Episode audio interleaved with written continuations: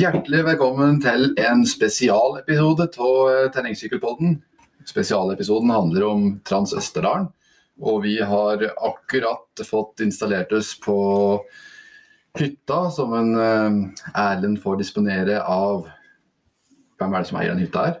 Nei, det er det ingen som vet. Nei, det er det ingen som vet, men vi har fått installert oss her. Bra Ja. du fant nøkkelen. Du er matta, altså. ja, den lå, lå under eh, dørmatta her, vet du. Ja, nei, det var ingen folk på hytta, så da har vi eh, installert oss her. Så det blir på en måte studioet vårt under den perioden vi er oppå, oppå Savalen her, da. Eh, nå skal vi være her i tre dager. Sykle tre dager, tre etapper på Trans-Østerdalen. Eh, jeg og Erlend eh, sykler eh, tomannslag under 90 år for Team Terrengsykkelpodden. Og vi har han Vegard med oss, og han sykler da junior elite, eh, 17 år. Det blir spennende. Nå ser vi at det er ganske bra med påmeldinger. 298, stemmer ikke det, Erlend? At det er så mange påmeldte. Det ser sånn ut på startlisten her. Det er veldig mange påmeldte. Og totalt er, snakker vi om 298 påmeldte. Men hadde de ikke stengt påmeldinga så tidlig, så tror jeg vi hadde hatt mange flere òg. Ja, det tror jeg faktisk. De stengte vel for en uke siden eller noe sånt, Ja. påmeldinga. Ja, de gjorde det. Så eh, nå er det spådd ganske bra vær i morgen, men så ser det verre ut utover eh, helga. Eh, spådd en del regn på lørdagen, ser det ut som. Ja, det blir bra, det. Nå har vi sykla både Tryseknutrittet og Kongerittet i strålende sol og varmt vær. Furusjøen rundt, det gikk jo i eh, regnvær, og da Det var jo helt herlig, var det ikke det? Jo, det var nydelig det, altså. Det var helt fantastisk. Det er vi jo alle enige om. Fordelen med at det er kaldt, er at det vi kanskje klarer å unngå kramper. Eh, som vi har pratet litt om før, så jeg er jo litt disponert for uh, kramper. Jeg har slitt med det siden jeg var ung. Uh, alt fra lengre distanser innenfor langrenn f.eks. I junioralderen, i militær tremil og sånn, er det alltid vært litt krampeproblematikk. Og så har vi jo altså, alle Birkner og, og nå det siste. Som, som de, alle de ritta jeg har kjørt i, i sommer, så har det jo på en måte vært kramper som har vært den store utfordringa. Men uh, Hvis jeg husker helt riktig, så ble du født under en krampe òg, du. ja, faktisk. Det var en krampetrekning, og jeg spratt ut. Ja, du gjorde det. Ja, som et prosjektiv. Ja, det, det ligger nok noe der, Jeg altså. lurer på om det kan være genetisk. Ja, Det følger med deg det ennå, det. Ja, det gjør det. Det, det er ingen tvil om. Men iallfall så uh, har jeg, skal jeg prøve noe nytt. Uh, og det er kanskje ikke det lureste å gjøre rett, eh, rett før en konkurranse, men, men det er bare under konkurranser jeg har akkurat det greiene her. Den problematikken. Ja, for du sliter vel ikke med kramper på trening? Aldri. Nei. Men på trening så driver du ikke på så lenge som under ritt til. Nei, og Um en ting som fattern prater på, det er at det kanskje jeg må trene mer eh, lange økter med høy intensitet.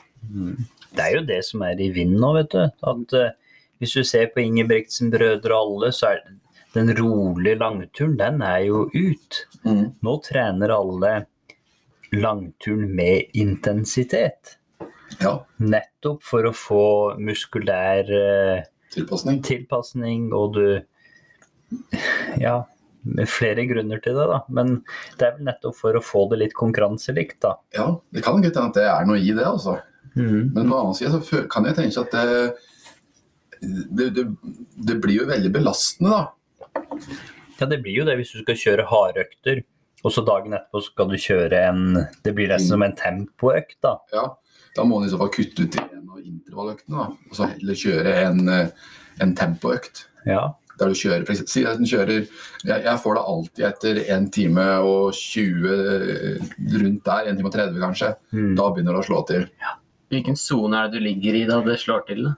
Ja, eh, sone fire. Jeg ligger ofte på sone fire på konkurranser. Mm. Jeg så på stravaen min etter kongerittet som var nå, så hadde jeg jo ligget Ja, du, du nevnte på det til meg, men jeg hadde ligget ganske mye i sone fire og sone fem. ja. Jeg husker ikke hvor lenge, men du hadde ligget veldig lenge i veldig høy sone, da. Ja. Og da, da, er, da sier det seg jo sjøl at det stopper opp etter hvert. Ja. Det er jo sånn at man takler jo sone tre bedre enn sone fire-fem. Ja. Men det som er litt rart, er at når jeg får krampa, så jeg føler meg ikke noe sliten. Nei. Så det er det som er litt rart. men det er vel heller det at du ligger liksom kanskje La oss kalle det høy sone tre, da.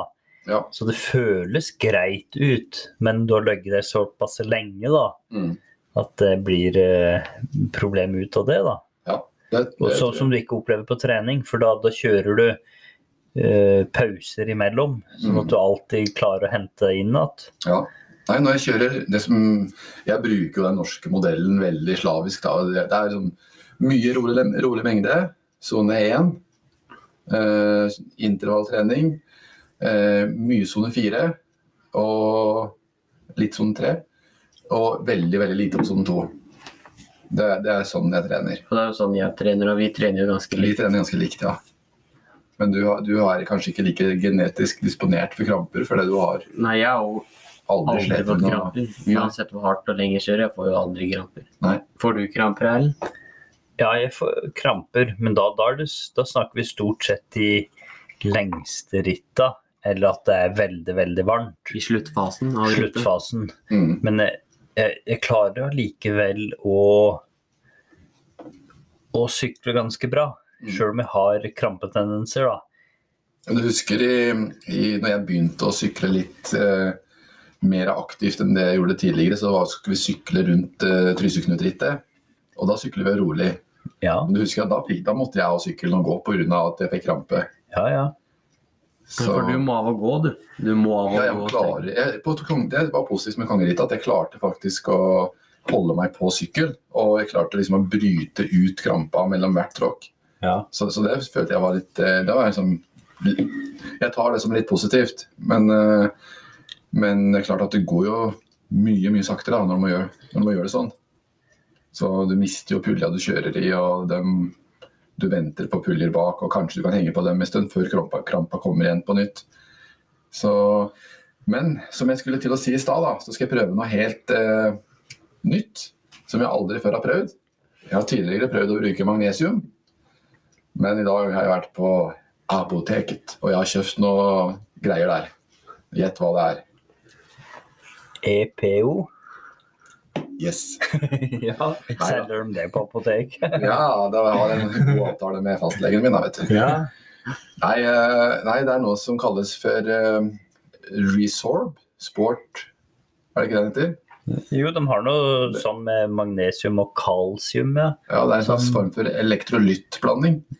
ja. Uh, som skal være bra for oss å få er bra for væskebalansen, da, rett og slett. Det er uh, egentlig beregnet på folk som, som uh, har, fått f.eks. en mageinfeksjon uh, og blir kraftig dehydrert pga. diaré, oppkast og sånne ting.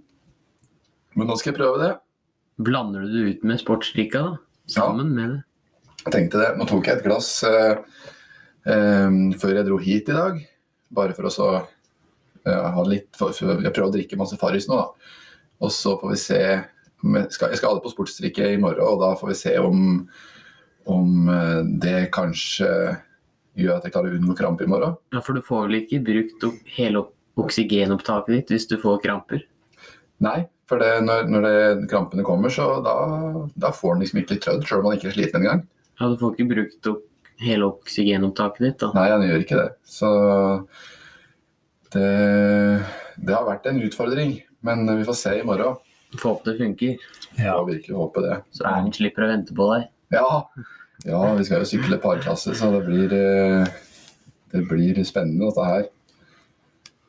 Nå eh, er det jo spådd eh, Ja, det sa vi jo litt, men det er jo spådd bra vær, så vi, i forhold til oppsett og hva vi bør tenke på i morgen Det er jo, det er jo, ganske, det er jo den letteste etappa sånn teknisk sett da, i morgen. Teknisk sett så vil jeg påstå at det er den letteste, men det er dag én. Alle kommer med friske ben og friskt mot og eh, er veldig konkurranselystne. Og man starter i motbakke. Mm. Og du har forskjellige løsninger på oppsett på sykkelen. Ja. Nå var jeg ute og sykla eh, litt av første etappen i stad. Ja, du fikk jo testa litt av de terrengpartiene og den utforkjøringa. Ja, og så har de også gjort om eh, Jeg har prøvd å lete opp litt, men det var litt vanskelig å se det på, på hjemmesidene til Trans-Østerdalen. Men de har gjort om litt av eh, partiet i nærheten av Savallen hotell, fjellhotell. Mm. Før så har du jo sykla grusveien opp en sånn motbakke og fulgt grusveien helt til du kommer opp på eh, rulleskiløypa, en sånn asfaltbane. Mm. Men nå skal du bare delvis opp den eh, bakken, og så skal du inn i et terrengparti. Og så sykler du litt langs med sjøen og kommer opp en grusvei. Før du kommer inn på den rulleskibanen, da, hvor det Mm. også er en langesone. Mm. Så det, det blir litt, et, litt mer eh, Ja, det er jo et slags stiparti, da. Du sykler liksom i, i en skråning ned mot sjøen, så du, du, du kan ikke ha altfor høy fart til, fordi du, Du nevnte jo på det litt i stad før vi spilte inn episoden, øh, at det kunne være lurt å avpasse farta litt akkurat på det området der. Ja, det, i hvert fall hvis du ikke er kjent, da.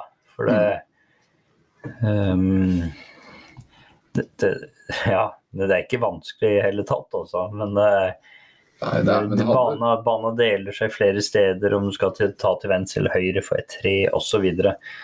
Uh, men så, så var jo å sykle gjennom eh, nedover eh, terrengpartiet, da. Det er stort sett det terrengpartiet som skiller syklistene på Trans-Østerdalen. da. Du har jo først et terrengparti mot Savallen, mm, som er mer motbakke bortover. Det splitter jo litt opp der, men det, det er i hovedsak det nedover at hvor det virkelig deler seg. ja. Og nå, nå Langs var den elva? langs uh, den bekken Ja, elva der, ja, ja. Og nå var det Hva skal jeg si? Ja? Forskjellen på nå hvor vi har ritt i august kontra før da det var i juni, er jo at det er veldig mye med gjengrodd. Mm, Stien er veldig smal. mm, Det er veldig gjørmete, det er bløtt, og det gresset henger liksom inn i den, den ene bana du kan holde nedover, da. Man blir fort litt usikker da, når man ikke ser underlaget skikkelig. Ja, og jeg har opplevd flere ganger at eh, man ikke ser f.eks. en stein eller en rot eller et eller annet som, som slår, slår borti, da. Mm, Så man må jo holde at farta litt, men samtidig så, så har man jo flyt nedover hvis man har litt fart. mm, Og de har vært flinke til å spraye farlige stener. Sette opp skilt i forkant av eh, der, der du skal krysse bekker og det er sånn steinete partier og sånn. mm. Så du får liksom litt varsel om at nå må du avpasse farta litt. Så man kan på en måte forvente at eh, hvis det skulle være noen farlige områder, så, så vil de være markert på en eller annen måte. Den vil være det, men jeg merker jo det nå da jeg slapp opp farta så godt jeg kunne, da. Mm, At, eh, at det skal ikke så mye til at du kommer ut av den smale stien. Nei. Og så fort du la oss si 10 cm utafor stien, så er det såpass sleipt at det er nesten er litt vanskelig å komme innpå igjen hvis du har uh... Kan fort gå på trynet. Du kan det, altså. ja. Du mister kontrollen på, på retning. Ja, ja, du gjør det.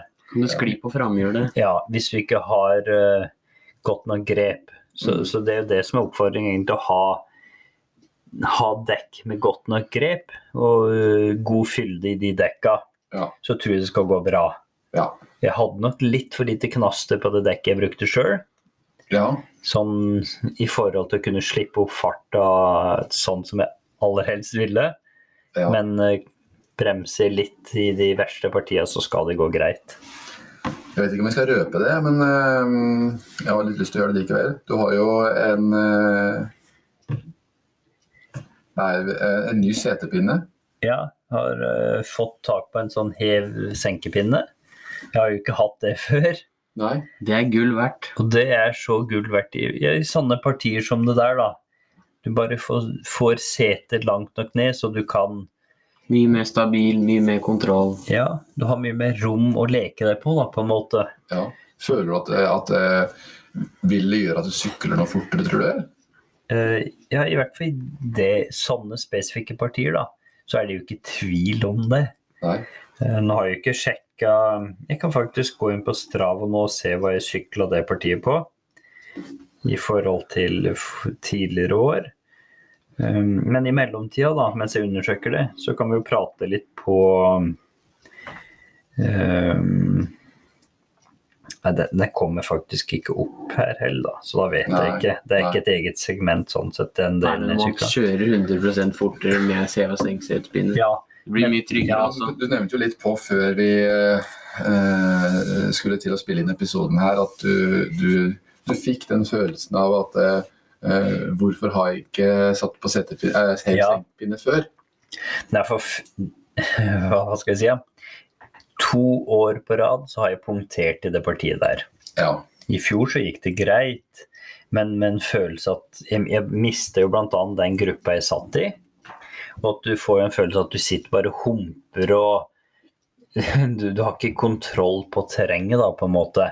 Kon terrenget kontrollerer deg, da. ja, det er jo den følelsen jeg sitter med når jeg sykler i terrenget.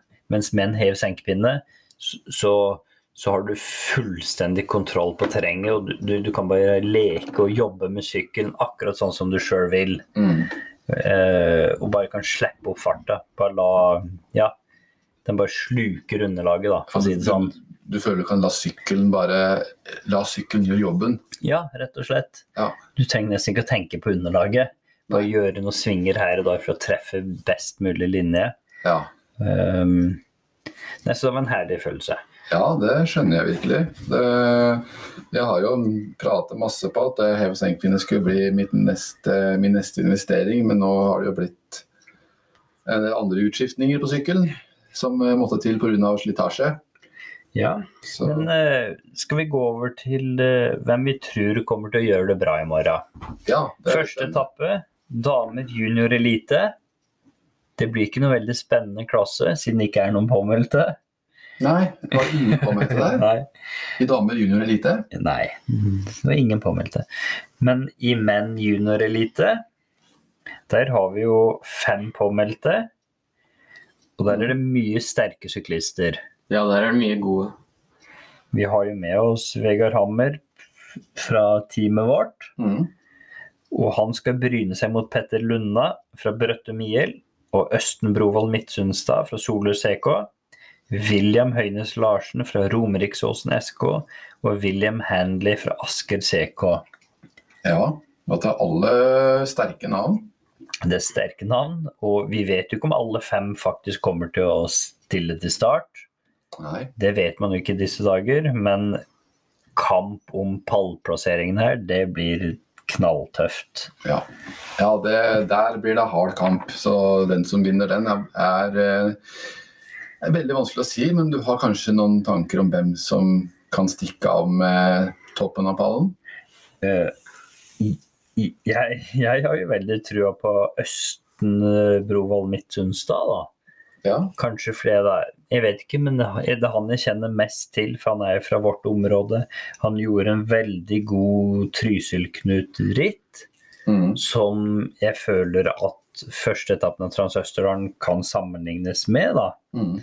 Han ble jo nummer tre da, på Trysil-Knut-rittet bak Martin Røste Omdal og Tormod Veidal. Ni sekunder bak bare. Og det er jo veldig, veldig bra prestert av en 17-åring det er helt uh, vanvittig. å prestere så bra på, i den alderen. Ja, og Spesielt på et sånn type ritt. Ja, ikke Jeg sant? kunne forstått det kanskje hvis det hadde vært et litt kortere rundbaneritt. Ja, det var helt ekstremt sterkt. Ja, Mens noen av de andre der føler at det er mer kanskje rundbanesyklister, da. Ja, Sjøl om de også har prestert bra på litt mer uh, grusfritt, da. Men som sagt, jeg har trua på Østen. Og så håper jeg at Vegard eh, klarer en uh, pallplassering. Ja. Det tror jeg skal slite med. Jeg tror William Høynes Larsen vinner. Tror du han vinner, ja? Ja, han vant i hvert fall en rundbane. Ja, for dette er litt spennende med liksom, vi, vet, vi vet ikke hvem som altså, Si at én er overlegen da, på et grusritt. Så kan situasjonen være helt snudd når vi kommer eh, ut i mer krevende terreng. Jeg tror jeg skal slite med å komme topp tre. Ja, det Det er er sterke tre navn veldig sterke navn. Det er i hvert fall William Handley og William Høynes Larsen og Østen Bråvold Midtstadsund. Mm. Ja. Men det man skal, være, som man skal tenke over, da, eh, det er at eh, på et etapperitt som er over tre dager, så er det jo på en måte den som sykler, som kommer gjennom med minst mulig problemer underveis. Ja, det som- kan jo skje uhell, da. Ja, det, det, det vil det som oftest skje. Hvor mange ganger har du punktert under eh, Nei, mange ganger. Også jeg har eh, Kjedet mitt har røket to ganger. Jeg har punktert i hvert fall to ganger. Um, og ting skjer. mm, Og du vet aldri hva som skjer, når det skjer. Og om du får fiksa det eller ikke. Om du får fullført rittet. Jeg vet den aldri. Nei. Når, når det gjelder over tre dager, så er det bare å prestere opp mot sitt maksnivå uten å bikke over, da. Ja. Tre dager på rad. Så, så blir det en bra plassering av det. Ja, så sånn sett, så For Vegard sin del så tror jeg det kan lønne seg å ikke tenke noe særlig på konkurranser. Tenke på at han sjøl skal kjøre, Eh, ja, kjøre ditt løp. Tenk at du skal kjøre på en måte som gjør at du får eh, en så bra mulig sluttid på, på hver distanse. Og eh, være forberedt på eventuelle ting som kan skje underveis. Ha med seg slange, ha med seg pumpe. Eh, muligens ekstra kjede, det har du kanskje ikke med deg. Eh, men vær, vær litt forberedt. Selv om det blir litt ekstra vekt å ha med seg underveis, så tror jeg at eh, eh, man vil det, det å komme seg gjennom tre dager, eh, det må være på en måte en viktig målsetning. Mm. Å ha med seg utstyr som gjør at man kan møte de fleste utfordringer. Ja, man må i hvert fall ha med ekstra slange. Eh, ekstra slange er uh, et must. Så det Jeg har med ekstra hjelm, ja. i tilfelle hjelmen skulle ryke. Ja, det er ikke dumt det heller. Nei. Så, og jeg har, har faktisk med en ekstra ramme. ja. Hadde ikke du med ekstra Det er det du har bak på og ryggen der, ja. Og, ja, ja, ja. Så må ha med seg alt som kan ryke. Så det er viktig, så Nei. Eh, blir eh, Kjenner Nei, men det var, det, vi, vi kan jo gå videre. Det er jo mange klasser å snakke om, skulle jeg si. Ja, Det var jo menn junior elite. Så tar vi damer elite, da. ja er det, hvor mange er det som er med der? Der er det åtte stykk med. Ja, det er bra, det. Eh, Beate Nesse, Silje Katarine Holmsen, Anna Helene Reiten, Miriam Sivertsen, Hedda Brenningen Bjørklund. Hun har vi prata mye Ja. på i år. Mm. Veldig god. Um, og veldig ung, på en måte. Og som presterer veldig bra til alderen. Fra, Hun er vel 19 år, er hun Det ikke? er noe, ja, noe sånt, det. fra Brumunddal. 02. Jeg er jo sikkert for Det Lillehammer, i er hvert fall. Ja. ja. Så er det Karoline Røst Omdal, som også er veldig god. Hildegunn Hovnag, som har prestert bra gjennom mange år. Mm. Og Sunniva Dring, som har prestert bra gjennom mange år. ja. Så, så det er en veldig åpen, øh, åpen klasse. Silje Katarine Holms nå har jo sykla i mange år og er veldig god. Så, så, jeg vet nesten rett og slett ikke hvem uh... Hvis jeg skal komme med et, uh, en uh, liten gjetning der, Ja, så, så tenker jeg uh, Sunniva Dring. ja. Litt på grunn av Altså, den, er jo i vanvittig form. Men hun, men hun er vel en av de med mest uh, Trans-Østerdalen-erfaring, kanskje, blant deltakere. Ja, det er mange av disse som har sykla Trans-Østerdalen også, så sånn sett Jeg tror ikke du kan basere det på Trans-Østerdalen-resultater der. Nei. Men det, det er liksom vanskelig å vite, for noen, er, noen var veldig gode i 2018, noen var veldig gode i 2019. Noen var litt nede i 2020, presterer bra i år kanskje. Mm. Og så har det vært lite ritt. Ja. Ja, jeg tror på Hedda Brenning Bjørklund, ja. Ja. Up and coming. ja. Men, men coming, det er men skal jeg Hvem sa du? Hedda Ja, Brenning jeg er helt enig med deg. Hvis jeg har, hvis jeg har trua på en over tre dager er også hvis, vi snakker sammenlagt Jeg tror kanskje ikke hun vinner etappe i morgen, sammenlagt. men sammenlagt over tre dager så tror jeg Hedda Brenningen Bjørklund fra Lillehammer CK vinner. Det Mm. tror jeg. Mm. Hun er sykt teknisk òg. Ja. Veldig god teknisk. Ja, det har jo vi sett. Eh, og hun har vel erfaring fra Downhill, har hun ikke det? Jo, eller Enduro. Tror jeg. Mm. Ja, så hun Hun har, hun har bred erfaring Ja. fra både landevei og terrengsykkelritt og det meste rundbane. Mm. Så har hun på en måte alderen på sin side òg. Ja, det er akkurat det. Hva er det sin beste alder. 19 år, eller bra 19 år. Nei, Bestealderen er vel 42, er det ikke det, Ingar? Jo, 42. 43? 43, det er- 43 er Jeg har aldri vært så god sykkelfører, Nei, så det må jo være 43 som er best. 43 Faren din er jo 70 år, så det må 70 var det beste alderen. 70. eh, Han er han er beste 69 egentlig, altså han, eh, han er, har aldri vært så god på sykkel. Han er sin beste alder. Ja, nei, så jeg tror nok kanskje at alder eh, er nok bare et tall, tror jeg. Nei da, det er jo ikke det, da. Men eh, alt handler om trening. Så det er, det og det er jo litt fint òg, da. At eh, selv, selv om man f.eks. er 50-60-70 år, og så bestemmer han seg for å, at nå skal han virkelig trene på skikkelig, så er det ganske stor sannsynlighet for at det, man, man kommer, kommer til å nå sitt toppnivå eh, noensinne. Eh, Sjøl om alderen er ganske høy. Ja, det er jo bra med sykkel. Det er det som er veldig kult med sykkel. Det kan du jo bare glemme i idretter som fotball og langrenn og løping og Ja, i, i fotball så er det jo Ferdig da du er 30. når du er 30. Ja. Mens i sykling så eh, ser det ut som at klasse 40 til 45 eller 44 er den hardeste klassa nesten. Ja, det er i hvert fall den hardeste masterklassa. Ja, 40-44 sykler fortere enn 35 til 39. ja, ja det er spesielt det greien der. Så kan jo spørre seg sjøl hva hva det kommer av, egentlig. da. Eh, At den klassa er så, så sterk. Sjøl tror jeg kanskje at det har noe med at folk eh, er liksom etablert. Eh, unga er i ferd med å forlate redet, kanskje. Eh, man har en OK økonomi eh, som gjør at man kan investere i utstyr. Eh, man får etter hvert mer tid til trening, og man kommer eh, kanskje i en alder der man eh, kjenner at man har et Ja, føler man kanskje ikke har fått oppnådd det man hadde ønska gjennom idrettskarrieren man var eh, på sine yngre dager. Sånn at det, det, det sjølrealiseringsbehovet vi alle sitter inne med, det kan hende at da er på tide, eller at det da er en gyllen mulighet for å, å fortsette å, å prøve å oppnå, oppnå resultater innenfor en, eh, en idrett. Ja, jeg tror du er inne på mye fornuftig der. For det, mange har jo kanskje la oss si fra 25-årsalder da, fått uh, småbarn Mm. og hatt eh, barn. Hvis du får unger da du er 25 og du er 40, Mm. så begynner unga dine å bli 15 år. da. Mm. Og da har du på en måte satt deg sjøl til side i 15 år. Ja, man har det. Og da, da, er, da tenker man kanskje at nå, nå har jeg endelig tid til å prioritere meg sjøl lite grann. Mm. Og da har man lyst til å trene litt og prøve å nå noen av de målsettingene man kanskje hadde som ung, da, som man ikke fikk Ja. hadde mulighet til da.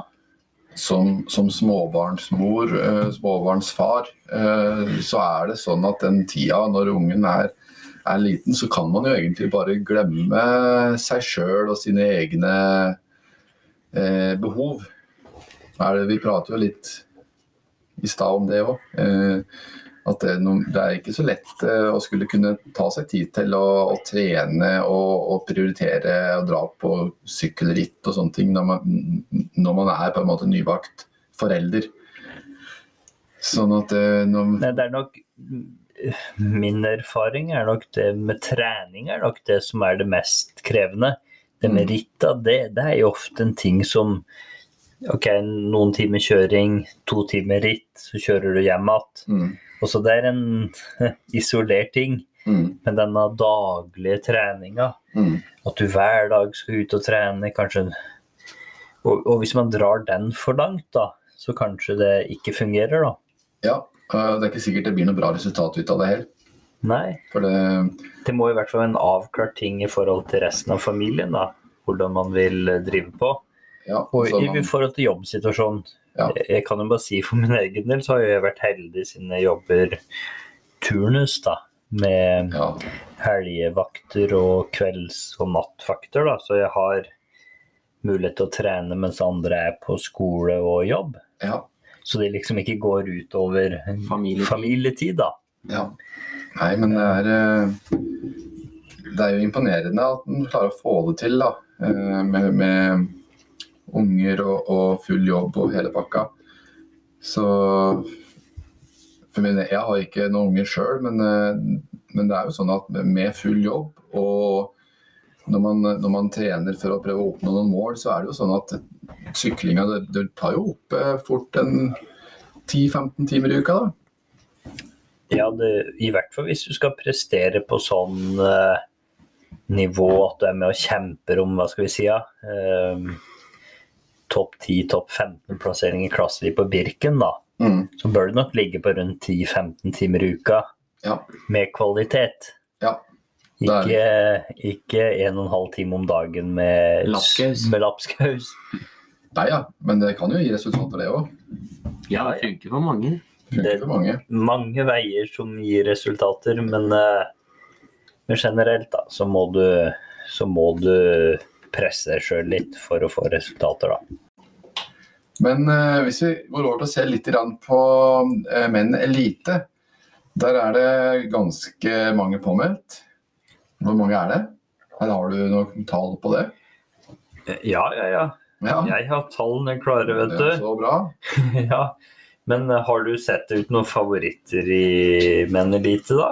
Hvis vi, hvis vi tenker også, Hvis vi tenker dag én, da. ja. For dag etappe én på Transøsteren skiller seg jo litt ut ifra de andre etappene, egentlig. Dag to dag tre er mer sånn rundbanesyklister, stisyklisters domene, da.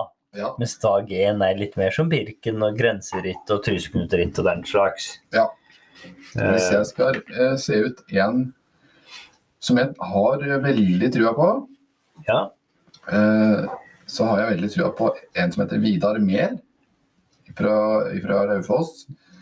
Og, og Henton Hard Rocks. Han, han har jeg trua på. Også en annen person som jeg har eh, veldig trua på, eh, er Knut Erik Nesteby. Han, en av grunnene til at jeg har trua på han, er at han har vist veldig god form eh, nå de siste ukene.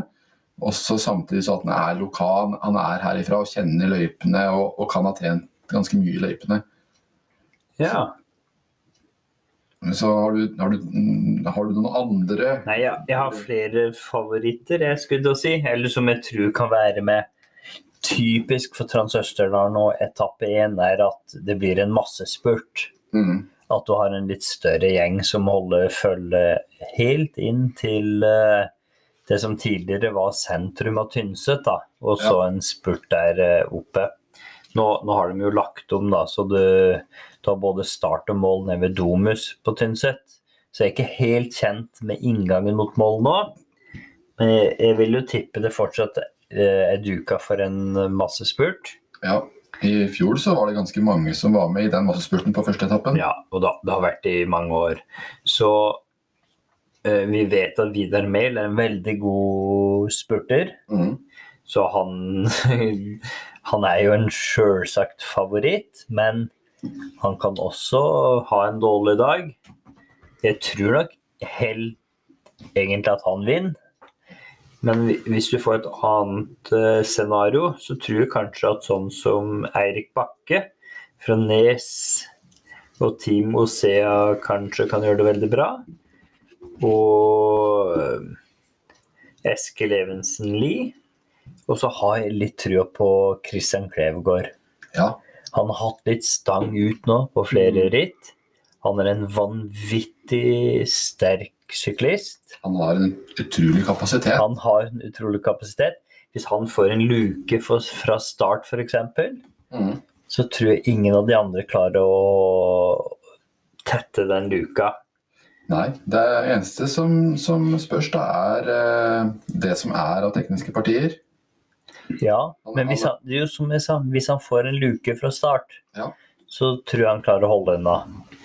Men eh, hvis, hvis han ikke kommer unna i motbakkene, så da blir det nok mer litt sånn Vidar Mehl eh, og ja, Eirik Bakke eller Martin Røst Omdal. Litt, litt som dem, da. At de har litt force der, da. Ja. Ja, nei, men jeg er egentlig enig i de vurderingene der. Så eh, det blir veldig spennende å se i morgen. Men jo eh, du og jeg, da. Vi skal jo sykle parklassa, da. Ja, Lagkonkurransen. det blir utrolig spennende. Og jeg tror dere vinner der.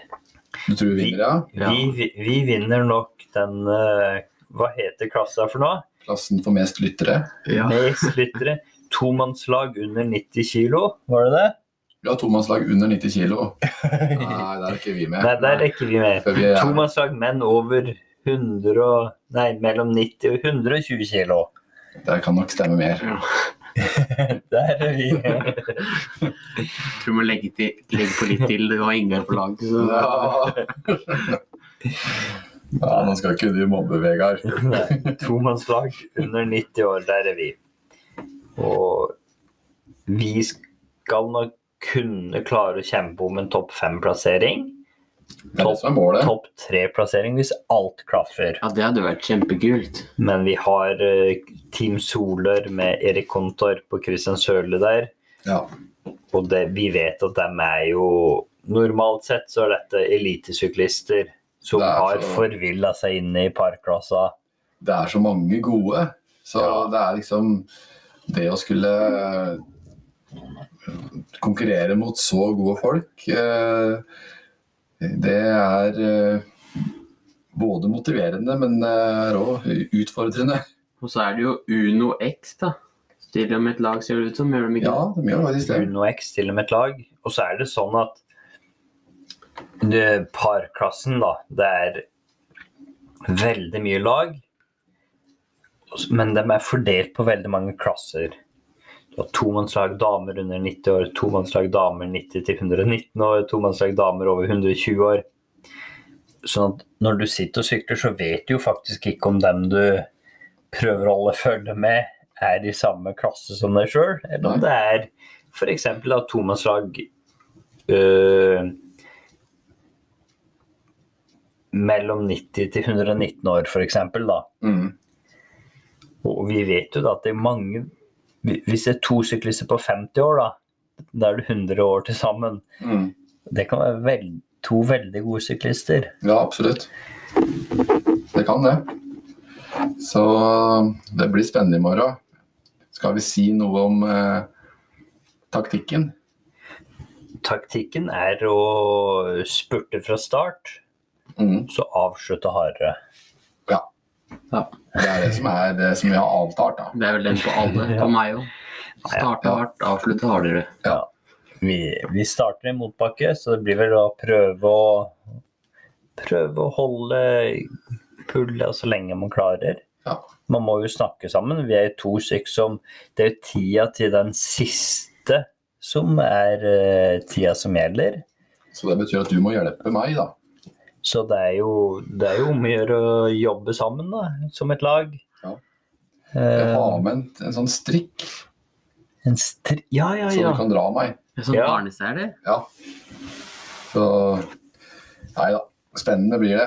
Og været ser ut til å bli bra i morgen, så da er det egentlig bare duket for eh, en kjempeopplevelse i eh, utrolig fine løyper eh, her i Tynset-området. Tynset-Savalen. Fredagen ser nok ut til å bli den beste dagen værmessig og Ja. den slags. Slippe unna regnet og Ja. ja. Lørdagen er jo en litt lengre etappe, og med det regnværet som er meldt, så blir det en krevende dag. Mm. Men det, det går, det òg. Ja, Vi så det på Furusjøen rundt. At det, Det, det meste går. Det er, krumme nakken, tråkke på, og kommer til mål. ja.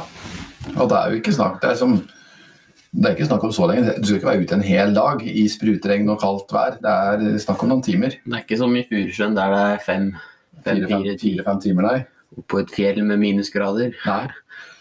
Nei, det er ikke det. Så det med, det med Furusjøen var en, en spektakulær opplevelse. Og, og eh, når man tenker etter, så, så var det egentlig eh, en utrolig herlig opplevelse òg. Det å møte naturkrefter og, og eh, været oppe i høyfjellet når folk flest eh, holder seg innendørs.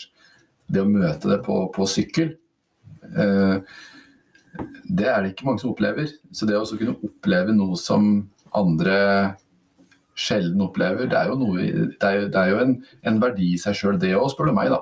Ja, det er som vi sa etter epi, eller ved den episoden etter Furusjøen rundt, at du er oppe på fjellet på en tid da ingen andre enn eh, Det var noen sauer og noe sånt oppå der, Ja. men ingen andre mennesker. Ja, de sauene er jo veldig farlige. Jeg ble jo Fikk jo smake på litt av hvert av de sauene der. Ja, Det er, det er, Nei, med, altså- det er noen spesielle lyster. Det er, jo- ja. ja nei, sau smaker godt, det. Nei ja, men uh... Og spesielt avføringen. ja. Nei, at man får, man får faktisk vært oppe der på den tida når ingen andre er der. Og du var en del av en konkurranse, men jeg så ingen før meg, ingen bak meg. Jeg sykla feil mange ganger, Ja. men klarte å hekte meg inn på riktig spor og likevel til slutt. ja. Og det er så god følelse når du er i mål. Ja, du har liksom virkelig Du har virkelig vært eh, gjennom noe som det står respekt av å klare å gjennomføre. da. Det er, det er den følelsen man sitter igjen med når man kommer til mål etter en sånn konkurranse. Ja, da var det imponerende å fullføre, syns jeg. Ja, det, det var faktisk det. Eh, Uansett hvor fort du sykla. ja. Så det å komme seg gjennom den løypa Svært teknisk krevende. Når i tillegg det, det været kom, det var, det var bra. Det var en stor påkjennelse. Ja, både på, på det fysiske og sykkelen og, og helsa òg, får en si, da, for dem som fikk i seg for mye saumøkk. Ja. Man kan aldri få i seg nok sauemøkk, pleier jeg å si. Nei, jeg har hørt at probiotika er ganske bra for magen, det. ja. Men det er ikke en, eh, er ikke en Vegard helt enig i. Nei, jeg er ikke enig i det. Nei, men, men det, vi må ha dette litt i tankene både nå, eller også nå på Transøsterdal nå. Jeg var og sykla i stad, vet du, og det var mye sauer i den delen av løypa jeg var og sykla. Mm. Og det var bløtt og gjørmete. Og drikkeflaska jeg hadde med meg, den ble innsausa i gjørme. Ja, sikkert en del saumøkk òg, så lenge det var Ja, anta antageligvis. Så og, og fredagen er jo meldt fint vær, da, så det er jo greit. Men lørdag og søndag, da er det meldt mye regn. Ja. Og man må ha en strategi på det der med at man, man må ikke risikere å bli syk. Nei, det er akkurat det. Og skulle man få en infeksjon pga. saumøkk, så kommer den ganske raskt. Ja, jeg ble kjempesyk. Hvor lang tid tok det etter lite før du kjente det? Nei, jeg ble syk dagen etter. Ja.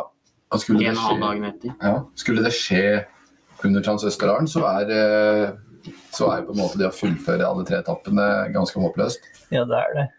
Hvis du La oss si at du er veldig uheldig og får i deg litt eh, bakterier fredagen, så er det å fullføre søndagen, det er, eh, det er vanskelig. Det går ikke. Jeg var Nei. skikkelig dårlig. Men ja, han, eh, du gjør jo en, en lur ting da, med å også spytte ut første Ja. Og det er vel måten å gjøre det på for å få ut mest mulig av Ja, bakteriene. du må se på flaska di, se om det er noe synlig møkk der. Mm. Så tar jeg og spruter ut bitte litt, bare for å renske ut fra tuden. Mm.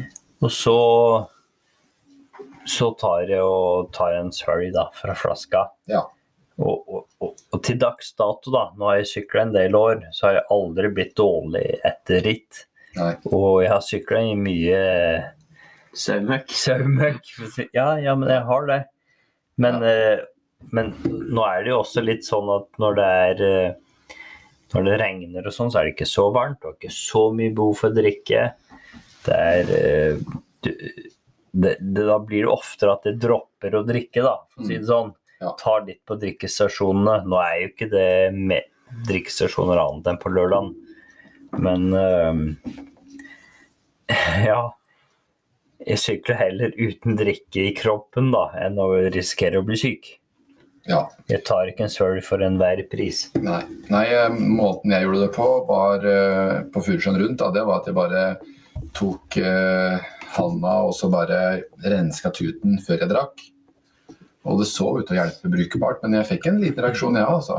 Så Ja. det var sånn at jeg ble litt, sånn litt Ja. uvel dagen etterpå. Men ikke sånn at jeg, jeg ble ikke så sjuk som en Vegard med både høy feber og diaré og oppkast. Nei.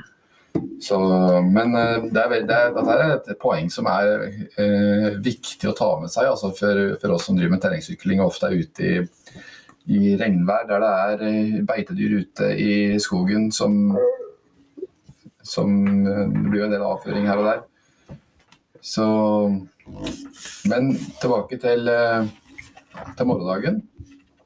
Så er eh, så er det mest eh, klappet og klart nå. Nå er syk sykler er jo klare. Eh, Ritthjul er på, kjeder er smurt. Eh, så nå er det på en måte bare å dra ned i morgen og hente startnummer og gjøre seg klar. Så eh, får vi vel begynne å avrunde den episoden her. Og, og eh, vi kommer jo til å prøve å få til eh, en episode hver dag nå. Ja, Det er jo det som er planen. det er planen. Uh, kan hende det blir litt trøbbel i forhold til å få ut den vanlige mandags eh, Episoden. da, men vi, vi får se. Vi får se. Vi finner sikkert en plan på det. Du vet, vi er, vi er jo ikke profesjonelle syklister, så, så for min del da, så skal jeg på nattvakt søndagskvelden. Mm. Begynner klokka ti. Og, men, men får vi til å si noen ord, så, så kommer vi ut med en podkast mandagsmorgen nå. Ja, vi gjør det. Vi får se litt åssen dette her uh, utarter seg. Ja. Men uh, Vi kommer jo ut med en podkast i hvert fall fredagskvelden, lørdagskvelden osv. Ja, det gjør vi. Så da uh, eh, vil vi ønske alle som ikke er på Tynsetsamalen akkurat nå, en kjempegod treningsuke, treningshelg videre. Du har jo andre ritt enn helg her òg. Du har Ja. BMC-rittet Ja, ja, ja. f.eks. Ja. Så alle som skal ut og sykle ritt, lykke til. Lykke til, alle sammen. Ja. Lykke til Og lykke til til de som skal sykle i morgen. Ja, alle skal sykle i morgen. Og så ses vi ute i løypa. Ha det bra. Ha det bra.